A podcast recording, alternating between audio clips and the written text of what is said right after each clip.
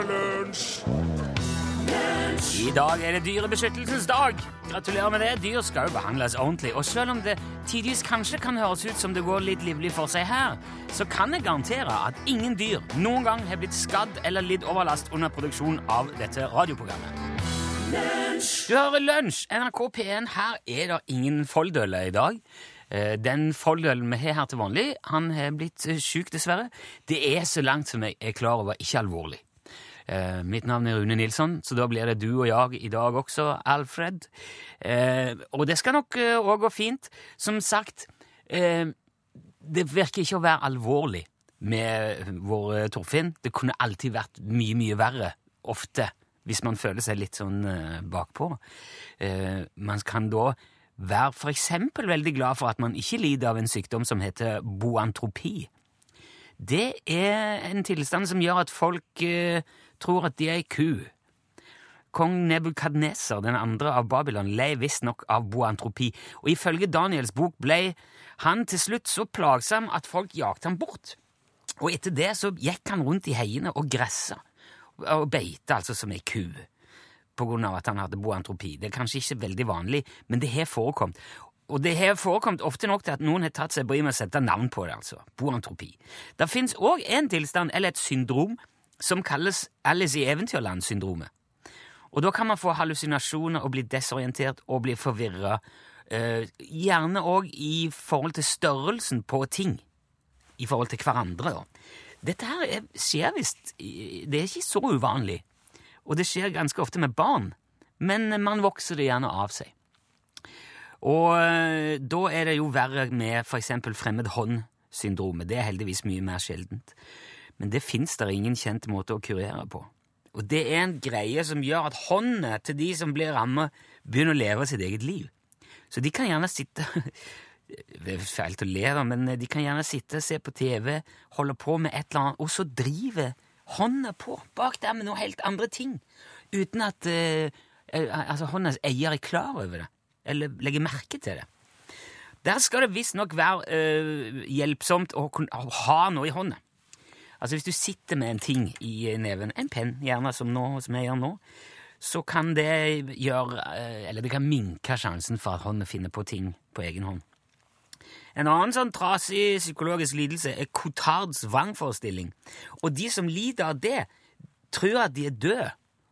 Det kalles også gjerne en slags sånn zombie-tilstand. Og det kan være ganske risikabelt, for mange av de eh, som, som, lider av dette her, tror altså at, altså de tror at de da ikke kan dø. For de er jo allerede døde. Og det kan jo i grove trekk eh, Da kan de jo bare gjøre som de vil, helt uten risiko. Og det kan jo, det kan jo være dumt. For faktisk så er de ikke døde. Det er bare noe man tror. Og det vet man helt sikkert. Dette er en lidelse som visstnok ofte òg henger sammen med schizofreni. Og det kan langt på vei behandles medisinsk, med gode resultater, heldigvis. Da krever det nok en hel del mer av pasienter som ønsker seg å bli kvitt utenlandsk aksent-syndromet.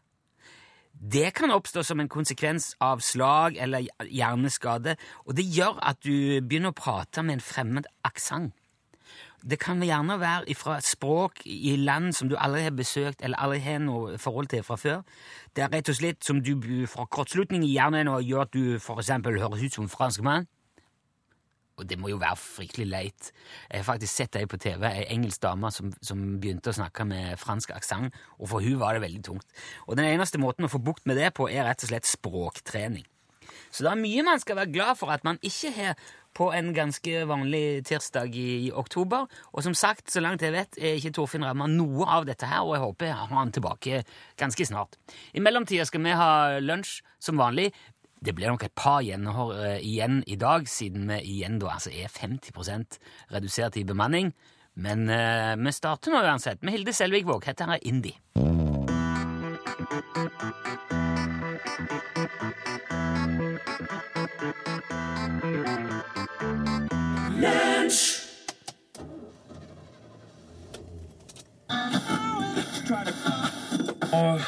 Vant jeg i Lotto i går. Igjen. Rett under 6000 millioner kroner. Og nå er det så mye penger som bare flyter overalt hjemme at jeg veit ikke hva jeg skal gjøre av dem. Det, garasjen er full, kjelleren, loftet stoppa fullt av eh, penger. Så vi, kan ikke, vi bruker ikke de delene av huset lenger. Og, vi, og når vi får overnattingsbesøk, så må vi sjekke inn på hotell. Uh, vi har jo råd til det, for så vidt, men det, det er jo mye hyggeligere å faktisk ha besøk når en har besøk, da. Og jeg får ikke tak i ting som jeg trenger i kjelleren heller, for alt er blokkert av penger. Altså, bare vi åpner kjellerdøra, så kommer det ramlende ut. Så vi driver og bygger uh, terrasse nå ute i hagen. Da måtte jeg kjøpe alt verktøy på nytt. Ny drill, ny kappsag, vater, hanne, alt sammen. Det har jeg òg råd til for så vidt, men det føles så unødvendig når du veit at du har alt liggende. ikke sant? Det ligger rett der nede. Du kommer bare ikke til. For det er så mye penger i veien. Og så blir det jo veldig sånn som det ofte blir, at du, du venner deg til det på en måte. Ikke sant? Hele familien, vi tilpasser livet våre rundt penga istedenfor å ta tak i det og, og, og rydde opp sette dem i banken eller lage en sånn ordentlig pengebod. Eller, det, det, blir liksom Det blir ikke gjort. Og så er det Det er òg litt sånn Jeg veit ikke Man har liksom ikke lov til å klage når du har, at du har for mye penger. Hvis du har den typen pengeproblemer, da skal du holde deg kjeft, da. For da er det din egen skyld. Har du for mye penger, da kan du liksom bare Ja, så bruk dem, da, eller gi dem bort. Men det er, det er, ikke, det er ikke så lett, det heller, da. Hva skal vi bruke dem på? Skal vi, skal vi kjøpe biler og båter og motorsykler som tar opp enda mer plass, da? Det er, det er lettere å få plass til en million i et skap enn en bil til en million. Så du må jo se det sammenheng. Og hvis hvis jeg skal begynne å gi det bort, da, det er jo bare å dytte problemet over på andre. Det er jo ikke noe hyggelig, det heller. Vi har, vi har en del av det i banken, det har vi, men det er på en måte bare å utsette problemet. Det å få renta gjør at det, det, øker bare. Det blir bare mer og mer. Det er ikke så mye nå, når renta er så lav. Det hjelper litt, det gjør det, men eh, det er, det er litt sånn piss i buksa for å holde seg varm. For det er ikke noe, det er, det er, det er ikke noen varig løsning, banken. Jeg tipper veldig mye Lotto, da. Det gjør jeg. Og det, det holder unna ganske mye, faktisk. Men så vant vi jo igjen, da. Tre ganger på rappen, og da hadde vi plutselig dobbelt så mye som vi, som vi hadde fått unna igjen. Så det føles litt sånn uoverkommelig noen ganger. altså. Nå har vi meldt oss på det der TV-programmet, den der uh, Sinnarikingen. Så vi håper jo at vi, at vi kommer med der. For kanskje få hjelp til å ta tak i problemet. Finne en løsning. Det hadde vært veldig fint. Moro program. Artig program, det der. Flink av meg, Sinnarikingen. Ja. Den observante lønnslytter la kanskje merke til at gårsdagens program ble sendt i opptak. Og grunnen til det var at eh, jeg måtte på sjøen en tur i min nye båt. Eh, det har vært mye båtprat i lunsj de, de senere månedene, og ikke minst i sommer. Um, nå har jeg da endelig tatt uh, spranget sammen med konemor, blitt reder. Så jeg måtte ta ut en feriedag for å få hente hjem uh, båten som jeg har kjøpt. Så nå ligger en beist på 31 fot på en plass uh, sentralt i Trondheim og bare venter på nye eventyr, og det er jo fryktelig stas og moro. Samtidig litt skummelt og overveldende å plutselig være båteier. Det er veldig mange båteiere der ute som sikkert vet akkurat hva jeg snakker om nå. Det er jo veldig mye å passe på når man har båt. Ikke minst så står det en svær sekssylindra dieselmotor på 250 hestekrefter nede i buken der og har en del spesielle behov som man må ta vare på eh, til enhver tid. Mm, jeg er ikke veldig motorkyndig i utgangspunktet heller, så det er jo mye å lære, men det tror jeg skal gå bra. Jeg er ikke redd for å spørre folk, og så er heller ikke båtfolk generelt noe særlig redd for å svare. Det er faktisk ganske utrolig hvor mange nye venner man får i det sekundet man går til anskaffelse av en båt. Man blir eh, nærmest eh, på sett og vis automatisk meldt inn i en slags klubb eller forening hvor alle som har båt, er medlemmer. Og alle har noe til felles. Og nordmenn generelt er jo ikke spesielt snakkesalige og utadvendte. Altså, det er, det er sjelden vi henvender oss til noen på bussen eller i butikken eller på et fly og sier 'hei, hei, hvordan står det til med deg?' Men hvis to eh, stykker møtes i eller med hver sin båt, da sier de 'hallo, hei, hei, fin båt, hvordan står det til?' Og de er på en måte ja, de kommer tjommier som om det var den naturligste ting i verden, uten å ha møtt hverandre før. Og så har du jo òg det med, med oss nordmenn. Når vi kommer ut på sjøen, så oppstår den der umiddelbare, nesten ukontrollerbare trangen til å vinke. Det er som om armen flyr opp helt automatisk uten at man merker det. Det der fremmedhåndsyndromet, nærmest. Det får man på sjøen. Og vinking er jo òg i utgangspunktet en veldig sånn jovial, positiv greie. Hei, hei, jeg er i båt. Ja, hei, jeg òg er i båt. Hyggelig. Vi vinker. Jeg vinker, jeg òg. Hei. Så om jeg nå skulle glemme å svinge fettpressa i den rette nippelen på motoren min, eller gjøre en eller annen sånn glipp underveis som fører til at jeg, at jeg kommer i litt sånn klemme, så vil jeg jo være omgitt av smilende og vinkende folk omtrent til enhver tid. Og det tenker jeg er jo en fin trøst. Så jeg ser veldig lyst på dette her. Eh, den nye tilværelsen som, eh, som eh, båteier. Det som jeg tror det kan bli verre å få hjelp til, og som så langt er den største hodepina, det er å finne navn til båten. For det er ikke lett, og navnet på en båt har jo veldig mye å si. Noen vil jo ha et kanskje et sånn pent, litt seriøst navn, som Svanen, Terna, Flipper, Skarven eller Aurora, som for øvrig er de fem mest brukte båtnavnene i Norge mens andre kanskje vil si noe om seg sjøl og om eh, båtlivet sitt med navnet på båten. Kaller han kanskje for Gjeldfrid. Korevi med C, altså Korevi. Korevi. Motmors vilje. Eh, Costa Plenty. Fruens vrede. Eller Aldri igjen to. Alt dette her er navn som eh, Reiseradioen fikk inn som forslag når de skulle kåre eh, det beste båtnavnet tilbake i 2008. P1-lytterne kåra Je t'aime til det aller, aller beste. Altså som i uh, franske je t'aime. Je t'aime. Uh, ja. På andreplass kom uh, statsråd Støre. Sikkert tenker jeg tungt inspirert av statsråd Lemkull. Men nå er jo ikke Støre statsråd lenger, og ja Jeg tror ikke det navnet hadde vært aktuelt uansett. Vi er veldig i tenkeboksen, og dette er som sagt tror jeg det aller, aller vanskeligste med det å ha båt. Og vi vil nok bli i den der tenkeboksen en stund. Med mindre vi bare går lei og kaller skuta for Utslagsnes, og bare lar det stå til.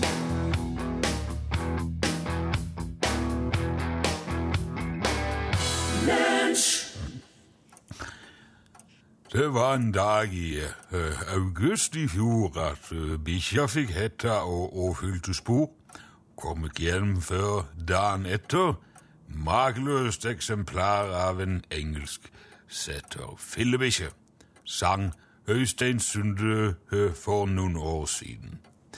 Men han hadde neppe møtt min eh, gamle onkel Pukksteins eh, jakthund.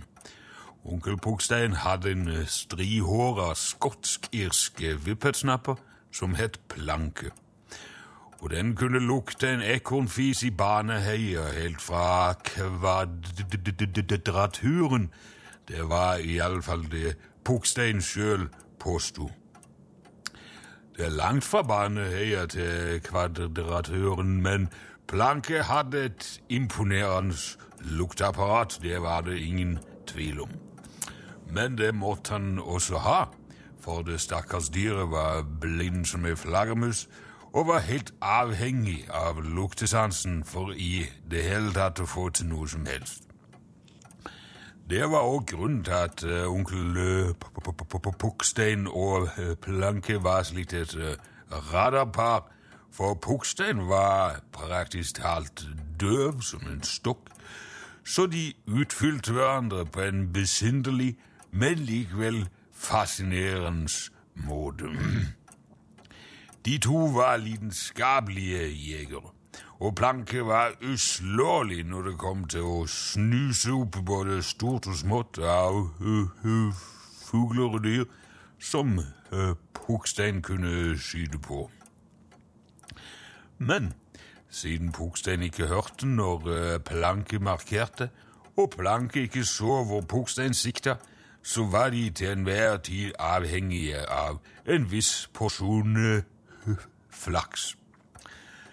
Men gjennom årenes løp var teknikken ganske finstilt, og det lille jaktlaget var riktig så effektive og kunne faktisk eh, livnære seg på lidenskapen sin gjennom eh, deler av året da det var mye hare og rype i skogen. Og det var nettopp rype de to var ute etter en vakker høstdag i 19 pil og bue, da ulykka inntraff.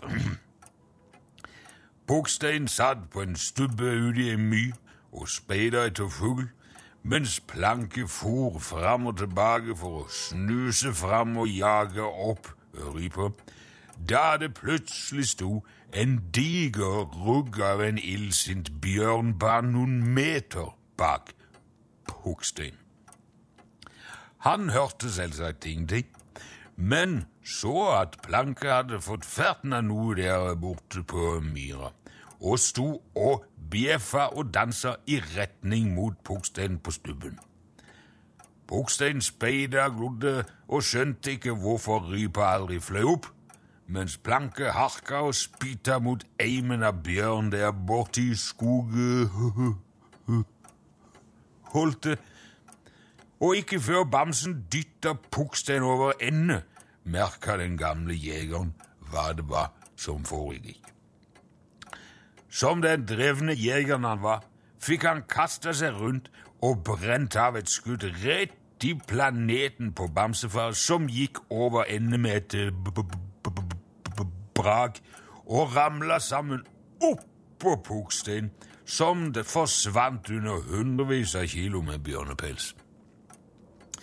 Dermed mista òg Planke ferten av eieren sin, og antok antagelig at Pukstein var spist, og satte til skogs med halen mellom beina og ble aldri sett igjen.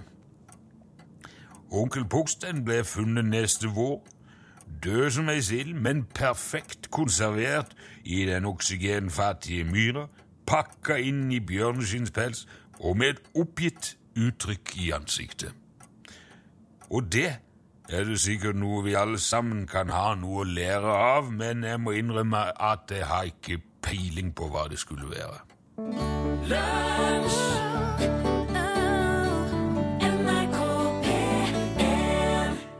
Hvis du noen gang kommer det til månen Det er jo ikke noe folk driver med veldig stor utstrekning lenger i det hele tatt. Det er veldig lenge siden noen har vært der. Men la oss si da at du får anledning en gang.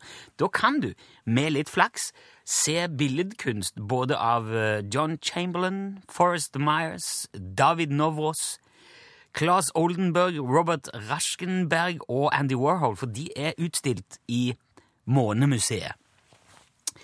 Og eh, der er verk av de på månen. Og dette her er en ganske sånn eh, fascinerende historie. Det var en kar som heter Forrest Myers, som også ble kalt bare for Frosty, som hadde ideen til Månemuseet tilbake på 60-tallet. Og hans tanke var å få seks anerkjente kunstnere til å lage et eh, bestillingsverk som kunne fraktes til månen sammen med, med Apollo 12-ekspedisjonen, og så bli igjen der oppe. Så han hadde et eller annet pent utstilt på månen. Så han tok kontakter med NASA og øh, prøvde å få de med på ideen. Men NASA var ikke så veldig uh, hipp. De sa visstnok ikke nei, men de sa uh, virkelig ikke ja heller. Så Frosty innså at dersom han skulle få et museum på månen, så måtte han smugle det opp dit. Derfor tok han kontakt med EAT. Det er en uh, organisasjon uh, altså EAT står for Experiments in Art and Technology. Det er en organisasjon som kobler sammen kunstnere og ingeniører for å stimulere til nye verk og konstruksjoner. Og, ja, kunstnere og, og, ingeniører har kanskje noe å lære av hverandre. Da. Så de drev og formidla kontakt. Og de satte Frosty i kontakt med Fred Waldhauer. Han jobba da for Bell-laboratoriet, det er et firma som lager telefonteknologi. Og ved hjelp av en teknikk som vanligvis brukes til å lage små kretskort i telefoner, så fikk han Fred der rissa inn de tegningene som Frosty hadde samla inn, på ei bitte liten keramisk flis. Han, han, den var ikke mer enn 1,9 ganger 1,3 cm. Altså det er bare en liten, liten, prikk, rett og slett. Der fikk han plass til, tre, eh, til seks små tegninger. Det var en slags geometrisk variasjon av Mikke Mus med tunga ute, var den ene. Så var det et kvadrat med noen linjer på. Det var en slags mosaikk av noen firkanter, to rammer som går inn i hverandre, og så var det ei strek. Og så hadde Andy Warhol da tegna noe som eh, han sa sjøl skulle være en slags eh, stilisert signatur, eh, som også kunne ses på som en månerakett, men alle mener jo at det er en liten penis som står opp i hjørnet, det venstre hjørnet. Så det var Andy Warhols bidrag. En liten tiss, rett og slett. Og det er jo òg grunnen til at når, når den der lille flisa der ble avbilda og vist for folk, så er det veldig ofte en tommel over akkurat Andy Warhols bidrag. Sånn tilfeldigvis, fordi at eh, de måtte holde den der. Og den dekker da over det, den lille tissen til Andy. Men i alle fall, det ble laga enten 16 eller 20 av disse bitte små flisene. Og så var planen å få en av de med på Apollo 12-ekspedisjonen. Men fortsatt så ville ikke NASA gi noe svar på om de uh, gikk med på dette. Så han uh, Fred Waldhauer, han som lager disse små flisene, han kontakta en kjenning av seg igjen som jobba på Apollo 12-prosjektet. Og han sa at han var villig til å prøve å få lurt det der lille kunstmuseet inn i romfartøyet på et eller annet vis. Og uh, han fikk fliset, og satte i gang, og så avtalte de at dersom han klarte det, dersom han fikk til å plassere det lille kunstmuseet i uh, Apollo 12 et sted, så skulle han sende et uh, telegram til Waldhauer og si ifra. Og den 12. november 1969 klokka 15.35, altså mindre enn to dager før Apollo 12 letta fra bakken, så kom telegrammet. Der sto det 'You're on. A-OK. All systems go'. Og så var det signert med John F. Da lå det lille kunstmuseet gjemt imellom noen lag med sånn gullfolie som er brukt i, til å dekke deler av den der månelandingsmodulen. Og det, akkurat det der foliegreiene der, det ble liggende igjen på månen. Det la de fra seg. Så han fikk lurt det innimellom det der Det ser nesten ut som sånn aluminiumsfolie, eller sånn som maratonløperne har på seg etter de har kommet i mål. Og det ble med opp, og det skal ligge inni der den dag i dag. Så hvis du klarer å komme deg opp på månen, kanskje du må lete litt, finne de der foliebitene og riste litt i de, men da skal det altså dette ut et bitte, bitte, bitte, bitte, bitte lite kunstmuseum.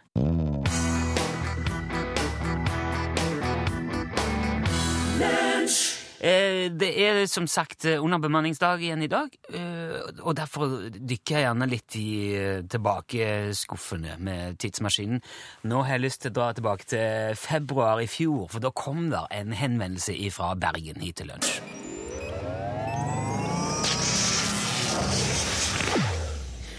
Da har vi med oss formann i Klageforeningen i Bergen på telefon. God dag, Ole Jonny Rijord. Ja, er det nå det, da? Hva da? Ja, er nå den dagen så forbannet god, da. ok, Ja, det er rett på sak, forstår jeg. Alltid. Alltid. Klage først, hilse etterpå. Hallo.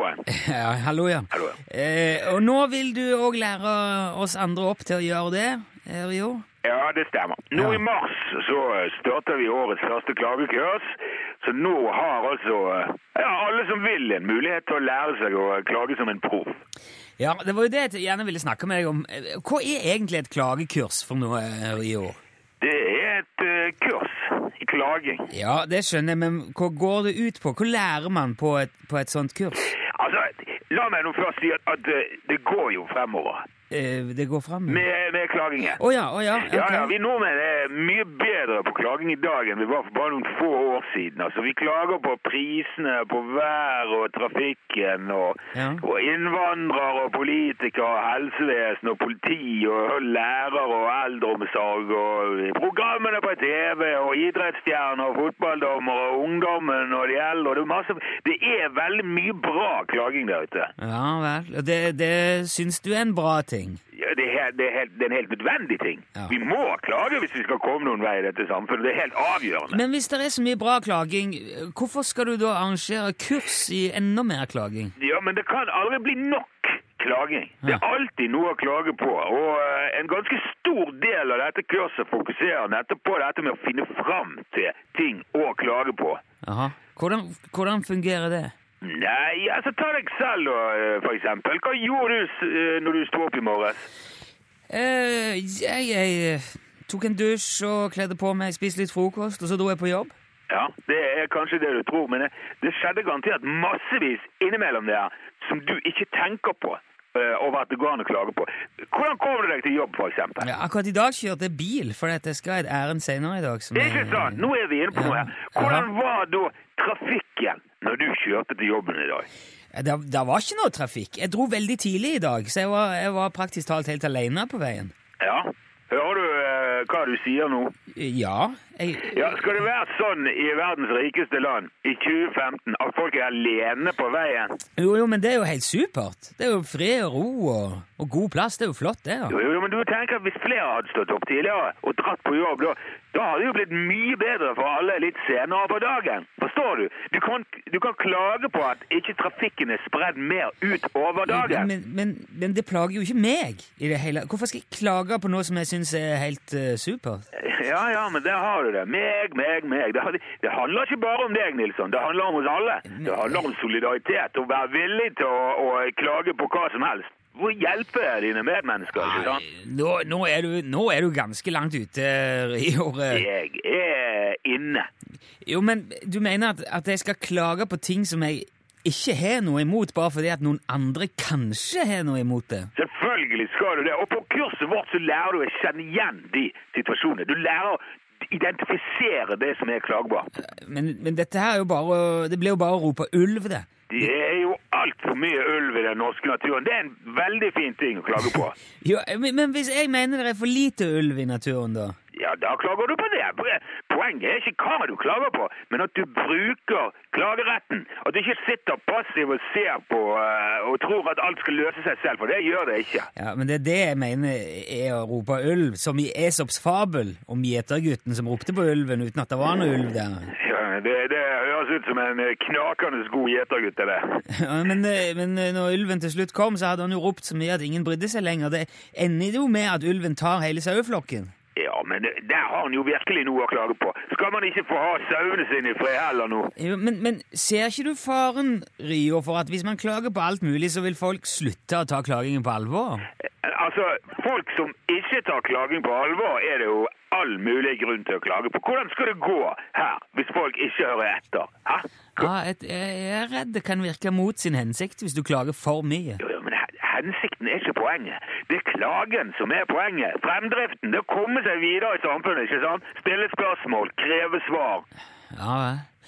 Er det mange påmeldte til dette klagekurset ditt, da? Eh, vi- vi har eh, fortsatt ledige plasser, hvis det er det du mener. Hvor mange ledige plasser har du? Nei, eh, hvor mange plasser trenger du?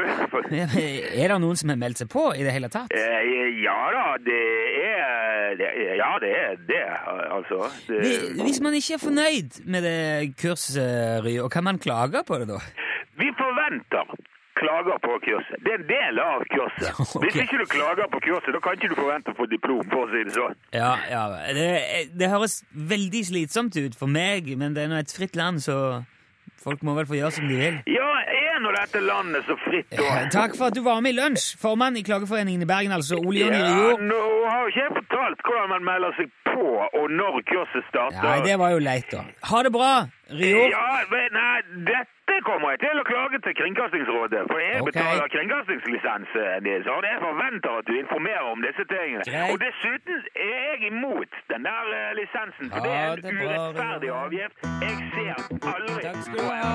Og dere tvinger folk til å kjøpe en produkt som de ikke vil ha. Og Ja. Marvin Gaye fikk du på tampen der. Let's get it on. Og det er norgesklasse som skal on nå. Pålplassen. Get it, let's get it on with the Norwegian Ja. class.